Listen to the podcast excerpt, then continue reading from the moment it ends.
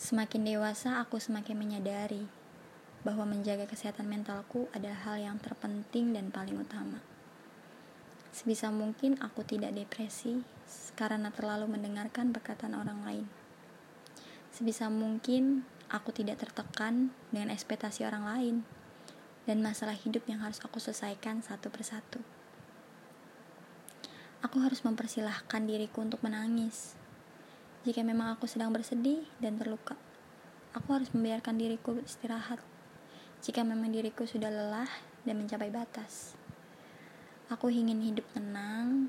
Aku mulai dengan memaafkan diriku sendiri, memaafkan segala kesalahanku di masa lalu.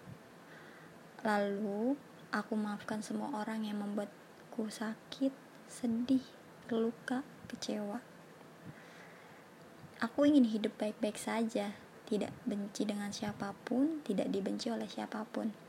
Aku percaya dengan takdir, aku percaya dengan janji yang semesta berikan. Fokus untuk menjadi baik, berbuat baik, dan mendekati hal-hal baik.